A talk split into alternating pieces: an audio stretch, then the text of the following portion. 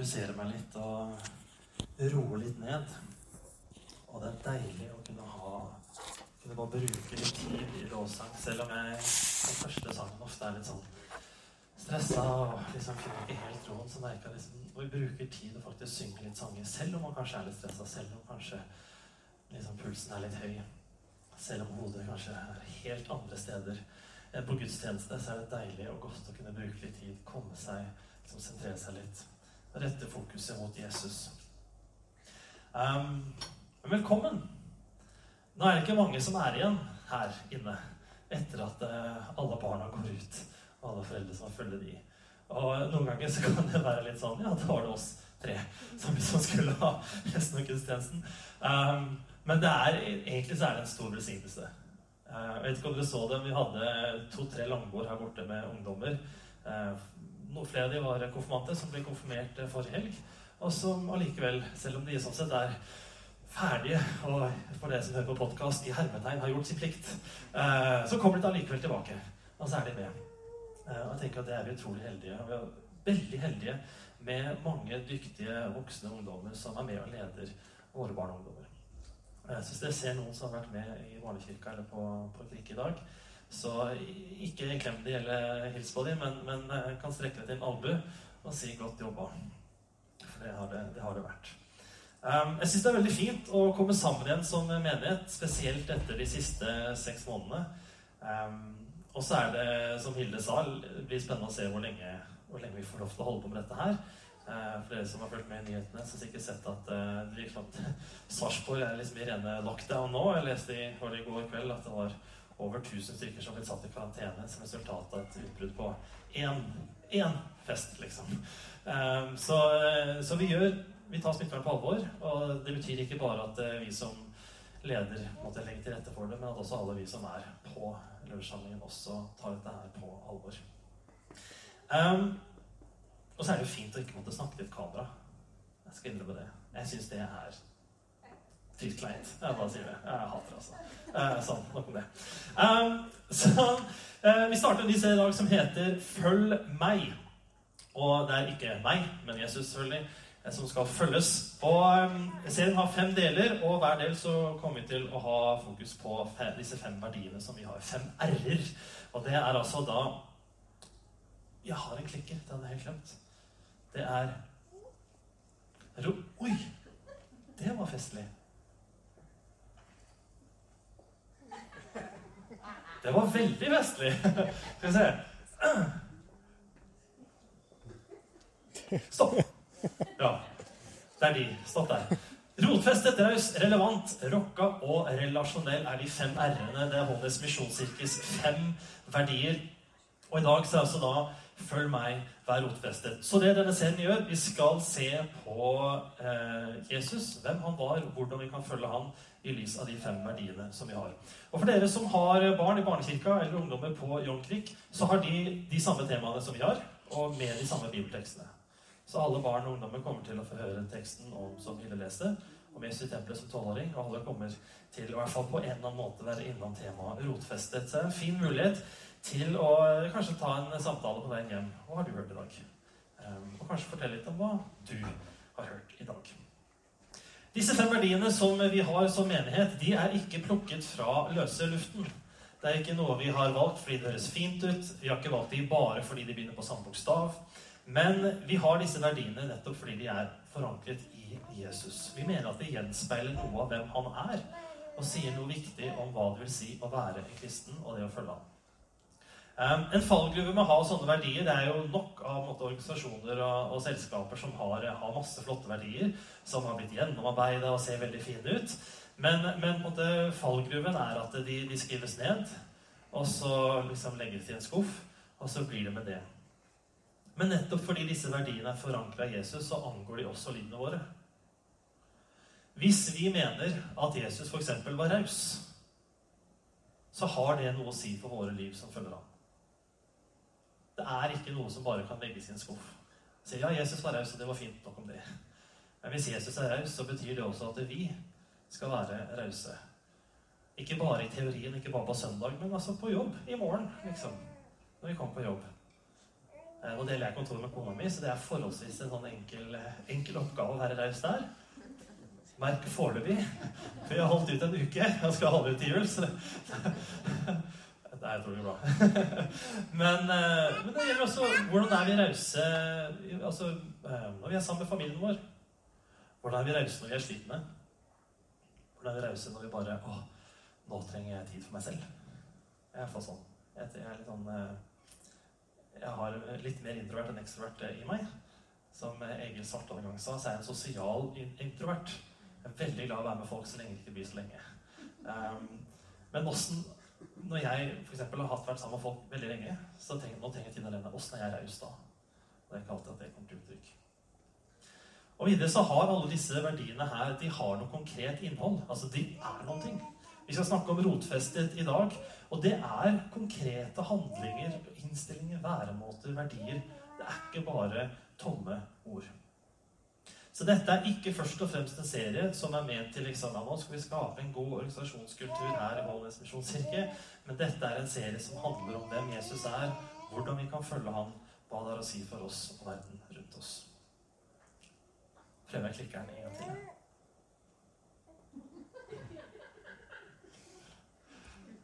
Yes! Jeg tror jeg fikk det til. Så hva vil det si å være rotfestet? Det er liksom tre, tre punkter jeg lærte det når jeg teologi. At alle gode taler har en innledning, tre punkter og en avslutning.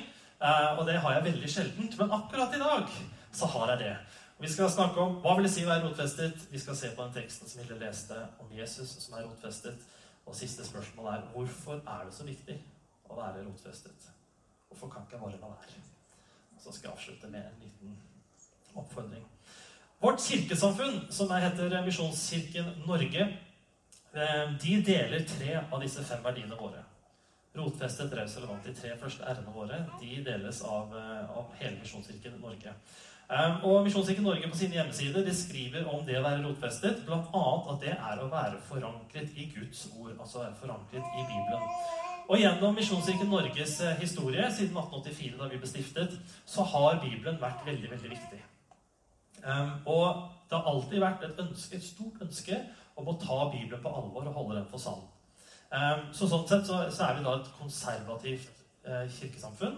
Um, I media og sånt så brukes jo ofte kristenkonservativ liksom, det, det, er ofte noe negativt ladd eh, uttrykk. fordi de kristne konservative de, de er skumle, de mener mye stygt. Eh, men på en måte sånn, sett fra et kristent ståsted så betyr det egentlig bare at vi ønsker å ta Bibelen på alvor og holde den for sann også når det måtte krasje med det vår kultur eller vår tid eller vårt samfunn eh, De forståelsene de har, eller verdiene de har. At eh, vi ønsker å holde Bibelen for sann. Og jeg lette litt i arkivet vårt, eh, dvs. Si på, på Google Drive. Og i 2014, helt i startfasen av menigheten, så ble det skrevet et dokument om disse fem verdiene våre. Og Der står det bl.a. at Hånes misjonskirke skal være en rotfestet menighet. Og Det betyr å være grunnfestet i Bibelen og være sentrert rundt Jesus. Grunnfestet i Bibelen og Ja, se, der kom den allerede. Det jo fint. Den kommer til det. Um, grunnfestet i Bibelen og sentrert rundt Jesus, som egentlig er himla fint. I en kristen kontekst så er det å være rotfestet det er å forankre sitt liv i hvem Jesus er, og hva han har gjort for oss, som er det store narrativen som Bibelen forteller oss.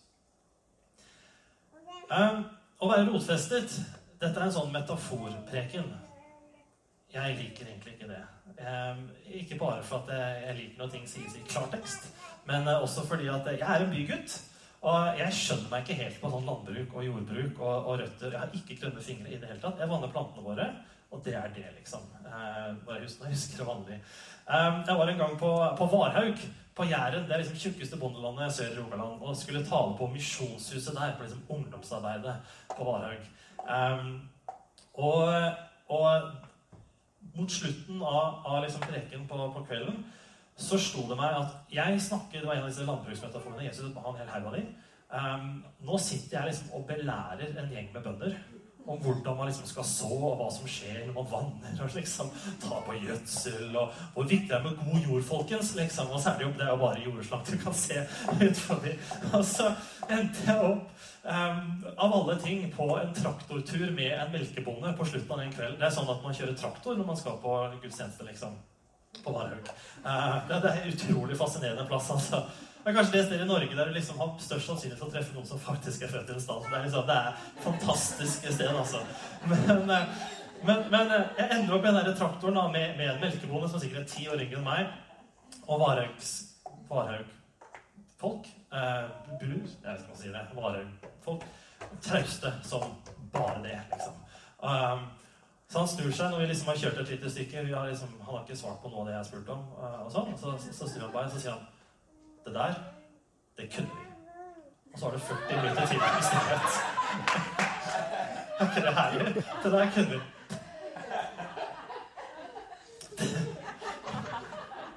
Så dette, dette kan jeg.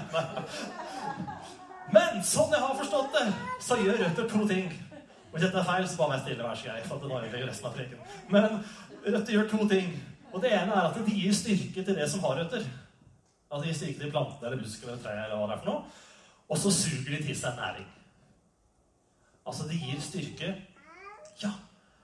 Og de suger til seg næring. Så når vi snakker om at du og jeg skal være rotfestet, så betyr det at vi skal forankre våre liv i Jesus og hvem han er, og at det gir oss styrke og gir oss næring. All right. Da skal vi se på Jesus. Skal vi ikke takke videre. Jesus var rotfestet. Um, vi har altså en podkast for dere som lurer på det. Um, så hvis dere går glipp av en preken, så kan man klikke seg inn på Spotify og søke på Åndens misjonskirke, og så finner dere alle talene herfra. Um, så dagens tekst er altså Lukas 2, vers 41-52. Og hvis du hører noe på podkast, så anbefaler jeg å sette av pause og lese den. Og i teksten så møter vi Jesus som tolvåring. Han er i, han er i tempelet, eller han er først på tur med, med foreldrene sine. De er på vei til Jerusalem for å feire påske. Um, og så på vei hjem så oppdager Maria Josef, foreldrene hans, at han ikke er der. Um, og, og det er nok ikke like uforsvarlig som det kanskje høres ut. Det er ikke sånn at de, liksom, de, at de har en femseter, og så har de liksom kobla inn to unger og ikke den siste, og så kommer de ikke på det før de kommer hjem. Uh, men de har sannsynligvis reist i et ganske stort, stort reisefølge med liksom hele slekt og masse venner som beskyttelse mot banditter osv. Uh, ja, men i og med at det tok tre dager på å finne den igjen, så har de nok ikke hatt helt, helt oversikt. Men de finner den iallfall ikke. De drar tilbake til Jerusalem. Um, og så etter mye leting så finner han i tempelet. Og der sitter han, er tolv år. Um, det er jo barn da, eh, hos oss, liksom. Det er 7. klasse. Uh, I jødisk tradisjon så er det på en måte siste barndomsåret. Altså Det er i overgangen 12-13 at man blir voksen som, som gutt. Uh, men han sitter i tempelet sitter ved føttene til lærerne i tempelet der, og så stiller han spørsmål og svarer. Og vi får inntrykk av at han, at han eh, svarer godt for seg. Han holder god samtale med disse lærerne. Og så får vi en kort samtale mellom Maria og Jesus. Og jeg kjenner meg så utrolig godt igjen i Maria. For jeg tipper hun er stressa. Hun går tre dager uten å vite hvor Jesus er, sønnen sin. Og når hun finner ham og ser at det går bra, så er det ikke sånn 'Å, der er du. Å, liksom, så godt å se deg.' Det er rett på liksom Hva er det du driver med? Liksom. Hadde vært en av mine barn som liksom jeg hadde mistet, og så funnet igjen, og så liksom Etter man har liksom sett at det går bra, så er det klart at irritasjonen og sinnet liksom hadde, Jeg hadde veldig fått meg da. Og jeg liksom, du, Hva er det du driver med? Faen, du kan ikke liksom. Ja, i hvert fall liksom, få det ut. Og Maria, hun, eh, hun, hun tar en regel av Hva er det du driver med? Hva har du gjort mot dine foreldre? Sier han liksom. Hva slags smerte er det du har påført oss? Hva tenker du på, Jesus? Og så kommer høydepunktet i teksten, og det er Jesus sitt svar. Og jeg tenker stort sett veldig Altså, jeg holder Jesus høyt. Akkurat her så virker han som en ganske irriterende unge. Altså, for å være helt ærlig. Han sier 'Hvorfor leter dere etter meg, egentlig?' Liksom. Hvis dere hadde tenkt dere om, så hadde dere visst akkurat hvor jeg var. Liksom. Her i min fars hus. Liksom. Da bare Å, ja. Den lille Kristusliken eh, jeg har, hadde fått kjørt seg, for å si det sånn, hvis det hadde vært meg. Hvis Frida, min fireåring, hadde bare vært sånn Hvorfor lette etter meg nå? Liksom. Hadde du bare tenkt deg om. Men det Jesus sier, det er at 'jeg må være hos min far', sier han. Og da er det ikke først og fremst Josef, men det er Gud. Jeg må være hos Gud, sier Jesus. Han har en klar selvforståelse at 'jeg er Guds sønn'. Det er her jeg hører hjemme. Først og fremst. Dette er en rotfestethet hos Jesus som følger han resten av livet. Han er alltid klar over hvor han hører hjemme, og hvor han har sine røtter. Når det er tøft, f.eks., og det var jo flere ganger gjennom Jesus sitt liv Han ble forfulgt og forsøkt drept og forsøkt tatt til fange. Han levde i fattigdom, sov ute osv. Um, men når det er tøft, så ser man liksom, hvor er det han vender seg da? Hvor er det han snur? Hvem er det han går til når det er vanskelig? Hvor er det han søker styrke? Hvor er det han søker næring? Og det er hos Gud. Og det kanskje mest uh, kjente eksempelet det er i Getsemanehagen. Det er kvelden før han skal, før han skal bli arrestert. Han vet at han, liksom det som kommer. Han vet at nå skal jeg bli arrestert, jeg skal bli pint, og jeg skal bli korsfestet. Dette blikket altså, Jeg vet hva som kommer nå. Det er smertefullt. Og det er ikke sånn at Jesus bare tar det som ja, ja, det går fint, liksom. Jesus så på ingen måte godt den natta. Um, og det er ingen stoisk ro liksom, å spore hos Jesus. Han er livredd. Og hva er det han gjør da? Han vender seg til Gud, og så ber han. Og så er han helt dønn ærlig. Han sier, 'Kan jeg få lov til å slippe?' Kan, altså, kan dette her Kan jeg få lov til å unngå dette? Men bare som du vil, Gud, ikke som jeg vil. Altså Selv måte i mørkeste natta så er han forankret i Gud. Han er rotfestet. Han har sin styrke hos ham og trekker til seg næring fra ham. Klikk en gang videre. Så hvorfor er det så viktig å være rotfestet? Kan ikke bare tro på Jesus og leve livet som jeg vil. Kan ikke bare ha en indre overbevisning som ingen trenger å se eller legge merke til. Og så liksom uten alt det styret med å liksom innrette livet sitt og la liksom verdiene våre og prioriteringene våre liksom formes av hvem Jesus er. Men jeg skal være ærlig, noen ganger så virker det fristende. Liksom. Åh, kan ikke bare la stå til. Men når Jesus sier 'følg meg', så er det ikke for å pine oss. Men det er fordi han elsker oss, og fordi det er godt for oss og de menneskene rundt oss. Um, jeg sa at å være rotfestet gir oss styrke, og det gir oss god næring. Jeg tror den klikker en gang til, ja. Um, for det første så gir det oss styrke. I fjor så bygga jeg en trapp i hagen. Eller jeg bygde ikke en trapp, jeg hjalp min svigerfar å bygge en trapp i, i, hagen vår. I vår rekkehus, i midten av et rekkehus. Vi har en liten sånn en uh, gressflekk eh, bak med en sånn skråning i enden. Så vi skulle bygge en trapp opp den skråningen for å komme. Um, Sigvard han kom for, eh, for, å hjelpe. Um, eller han skulle gjøre det, jeg skulle hjelpe. Uh, og min jobb det var å rydde vekk det som vokste der hvor denne her trappa skulle ligge. Um, og de gikk ganske tålelig greit unna å liksom fjerne det som man kunne se. Sant? Det var liksom klippet noen busker, og jeg fikk brukt noen sånn stor sag, og det var liksom gøy å vise det fram for svigerfar, som er sånn sånn mannemann mannemann, liksom. Ja. Hvis du tenker på liksom en parodi av en mannemann Det er liksom, det er svigerfar, da. Uh, det, jeg har liksom 22 år, ikke sant? Hatt to barn, bygd huset sjøl, hadde bedrift. liksom, Det er sånn, ja. Uh, det er svigerfar. Men uh, ja han, han oppdaga at jeg ikke hadde drill, liksom, så ble jeg bare flau. og neste gang så kom han med drill, for det liksom, kunne ikke det sånn. Um, jeg fikk bruke stor sag, så det liksom fjerna kjente liksom, ja, dette her får jeg til, liksom. Håper ser man noe for. Um, like før jeg tok av meg T-skjorta. Det var liksom, det var en god dag. Men så skulle jo denne trappa skulle jo graves litt ned, så at ikke bare sklei av sted. Og så måtte jeg begynne å grave til disse røttene, da. Til alt det som jeg hadde fjerna. Og det gjorde det rett og slett til en ganske dårlig dag. Fordi altså, sterke og dype røtter er noe herk. Jeg hater det, altså. Og du tror at, liksom at du har funnet det, og så begynner du å dra og så dra. og så dra, og så dra. Det sitter så godt fast. Du må grave svære hull, og du må røkke det løs, og alt henger sammen med alt. Altså, det er helt umulig å bli kvitt. Og jeg var så sinnssykt sinna den dagen. Og jeg tror nok svigerfar at dager der han vært mer stolt av meg. liksom. Satt litt sånn oh. um, Men dype og sterke røtter, det tåler fryktelig mye. Og i vår kontekst så tåler dype og sterke røtter det tåler livet. Har du dype og sterke røtter, så tåler du livet. Og ikke bare det, men du tåler deg nok en trøkk også. Det betyr ikke at trøkken ikke kommer, eller at det er behagelig. men du tåler den. Og med dype og sterke røtter så tåler han å gå tvil. Tør å, liksom, tåler å stille en del spørsmål, være usikker. Du tør tragedier og usikkerhet, til og med mørke. Og så handler det ikke bare om hvor dype eller sterke røttene er, våre er, men også hva det er de står i. Hvis du har kjempesterke røtter, men du har liksom sådd i bomullsdotter, så hjelper det lite når det begynner å blåse, liksom. Sånn som er det heter, som man eh, lager i barnehagen? Ja, vi har fått med flere sånne hjem. Kjempestas. Um, men si at du har forankret uh, livet ditt, liksom styrken din der du på en måte Hvis alt annet stormer, så er det liksom der du søker. Si at du har forankra det i helsa. da. Ja, det er jo veldig innenfor tiden. God helse. Bare sånn, for å si det sånn ja, Helse er bra. altså. Tren og spis sunt og alt det der. Dette er ikke noe liksom, imot det. Men, men tenk hvis du er en type som liksom Alt går bra så lenge helsa holder. Liksom. Kanskje blir permittert fra jobb pga. pandemien. Det er mange som blir nå. Bestekamerat nå som ble permittert i forrige uke. Men det går bra liksom for helsa holder. Helsa er god, liksom. Um, hva skjer da hvis man blir syk?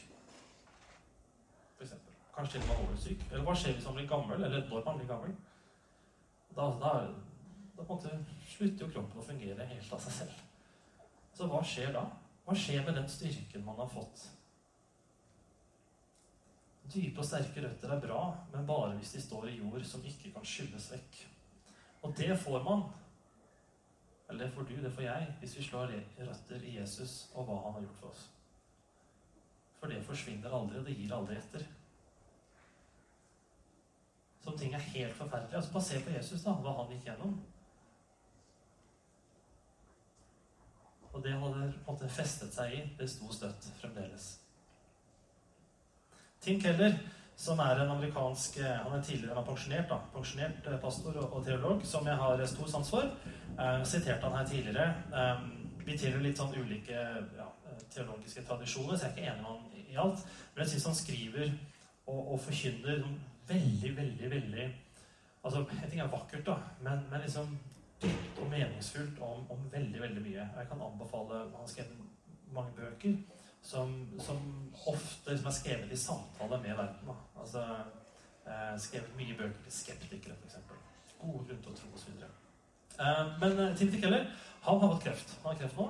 Eh, bukspyttkjertelkreft, som, som er så veldig dødelig.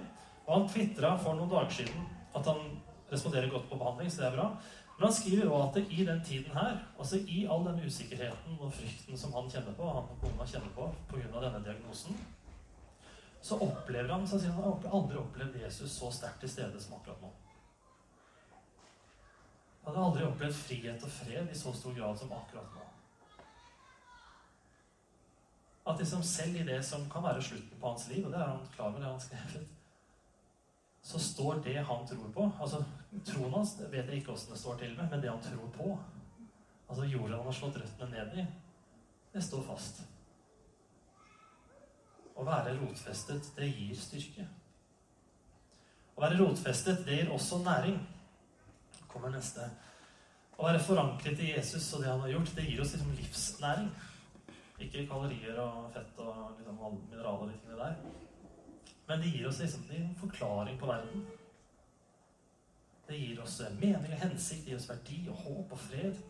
Samtidig Keller, som jeg nevnte i stad, han beskriver denne næringen som Jesus gir oss, som 'Christianity's unsurpassed offers'. Som er en flott måte å si eller Hvis man kjører det i Google Translate, så står det 'kristendommens makeløse tilbud'. Som høres ut som en litt sånn cheesy reklame. men, men det betyr at du finner ikke bedre livsnæring andre steder. Det er ingenting som kan gi deg den næringen som en tro på Jesus kan gi deg. Og så har han seks ting som han sier dette her får man tilgang på ved å tro og ved å forankre seg i Jesus. For det første så får du mening. Altså Du får meningen hensikt som ikke kan fjernes av lidelse. Det er som tåler at det går skikkelig, skikkelig dårlig. Og ser man på Jesus sitt liv, så er det ikke tvil om at han led. Hadde det til tider helt forferdelig. Men han gir aldri uttrykk for at han opplevde det som meningsløst. Og for meg, liksom Hva er det jeg egentlig driver med her? Eller åh, Liksom. Aldri Aldri spør han hva er vitsen. Eller er dette så viktig? Altså Han har en mening og en hensikt som stikker mye, mye dypere enn omstendighetene. Mening. Det andre er tilfredshet. En tilfredshet som er uavhengig av omstendigheter. Og Det er litt det Tim Keller beskriver i situasjonen sin med kreftdiagnosen. Omstendighetene er vanskelige og grusomme. Og så er han allikevel tilfreds. Ikke det at han er fornøyd med at han har kreft på noen som helst måte. Det tror han aldri ville sagt. Men han er liksom tilfreds i livet allikevel. Han har en fred og en ro som stikker dypere enn de omstendighetene. Mening, tilfredshet og frihet. En forankret tro på Jesus gir oss også en frihet. Og det er en frihet til å elske. Og altså at det er ikke det andre mener, som definerer oss, men sånn som vi sang på den um, You're a good, good father, and I'm loved by you, and that is who I am. Altså, jeg er elsket av deg. Vi leser en fantastisk nattabok til jeg har to døtre, to fire, og vi leser en bok som heter uh, Du er unik, eller unik, eller noe sånt, som handler om en, en liten uh, sånn figur som heter Puccinello. Eh, og han Puccinello, han er en trenikk, eller en trenikk. Det var en sånn trefigur da, som lever. Og det trenikkene gjør, står det i boka, hver eneste dag, det er at de klistrer merker på hverandre. Stjerner og grå prikker. Og de som er fine og flotte, de får stjerner. Og de som er stygge og ikke får til noen ting, de får grå prikker. Og Puccinello, han er bare full av grå prikker. Og han syns ikke det er noe greit. Og så treffer han en annen sånn trenikk, en sånn trefigur, som ikke har noen verken prikker eller stjerner. Og så blir han nysgjerrig. Liksom, Åssen kan jeg få til dette her? liksom? Hva er det som skjer? Og så besøker han treskjæreren Eli, som er et bilde på Gud, da, som har laget alle disse trevikkene. Og så viser han at Eli han sier ja, men jeg elsker deg. Punchinello, for jeg har skapt deg. Og jeg syns du er helt unik. Ikke bry deg så mye om alle de andre trevikkene. Ikke bry deg så mye om de stjernene og de, og de der eh, grå merkene, eller grå prikkene. For jeg elsker deg akkurat sånn som du er. Og så på slutten så faller en av disse grå prikkene av alltid stas. Men vi får en frihet til å elske andre. Vi får en identitet som Guds barn og med uendelig høy verdi. Og så er det en identitet som måte, du ikke er dømt til å mislykkes i å prøve å måte, fullføre eller oppnå. Altså jeg ser, Det er så utrolig mange, mange, kanskje spesielt unge, som virker til at de har et, liksom et bilde av hvem de bør være som de umulig klarer å nå opp til, og som sliter seg ut på å liksom prøve å oppnå den de tror de bør være. Men hos Jesus så får vi en identitet, en identitet som på en måte ikke knuser oss. De to siste Vi får et moralsk kompass som hvis vi følger det, hindrer oss fra å bli undertrykkere. Og igjen, hvis vi ser på Jesus sitt liv, så står han alltid på de svake side. Alltid står han på de svake side. Og det siste er at vi får håp. Vi får et håp om en bedre framtid, om tilgivelse, om gjenopprettelse, om rettferdighet og fred og glede og godhet, og et håp som tåler alt. Og dette skriver Tim Keller, da. Mens han kanskje står for døden, så skriver han at det er et håp som tåler alt, til og med døden. Vi får altså mening, tilfredshet, frihet, identitet, moralsk kompass og håp. Å være rotfestet gir oss næring.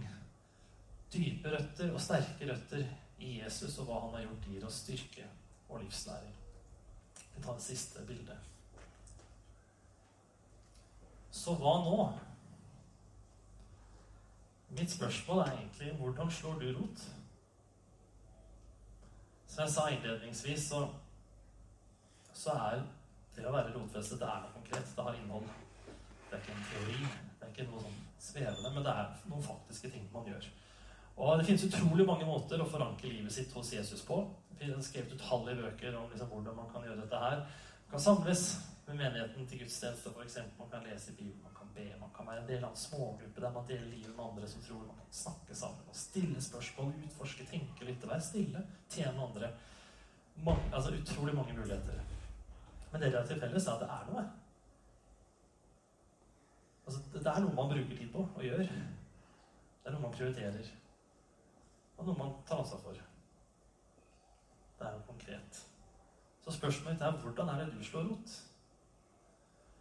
Hvis vi som kristne og som menighet skal være det vi er ment til å være, så er vi helt, så vi helt avhengig av å være rotfestet hos Jesus. Så hvordan slår du rot? Margrethe skal spille en siste sang, og jeg har ikke spurt om dette før nå. Men kan du synge den som en solosang?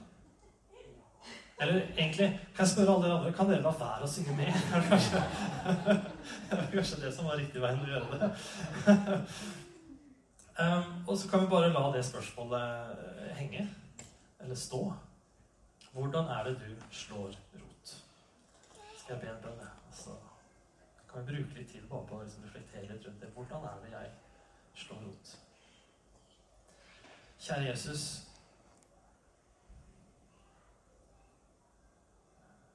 Takk for alt du har gjort for oss.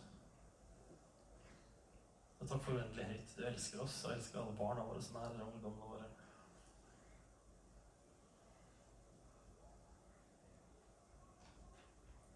Hjelp oss til å måtte senke våre røtter dypt i hvem du er, og hva du har gjort. At det er det som vi forankrer livene våre i. Og som vi også forankrer livet til menigheten i. Og du ser at det er fryktelig fort gjort. Iallfall for meg, da. Kanskje for flere. Og på en måte senke røttene i andre ting.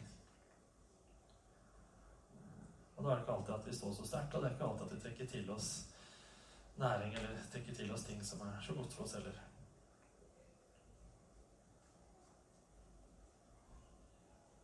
Det er det jeg ber om hjelp til liksom vokse nedover, da. Sånn at vi kan vokse oppover og utover. Sånn at vi som enkeltmennesker og som menigheter tåler en trøkk. Og tåler at det blåser litt, tåler at det stormer. Vi er trygge på og vet at du forlater oss ikke. Hjelp oss til å lede barna våre inn i en rotfestet tro på deg også. Jeg resten av dagen i dine hender.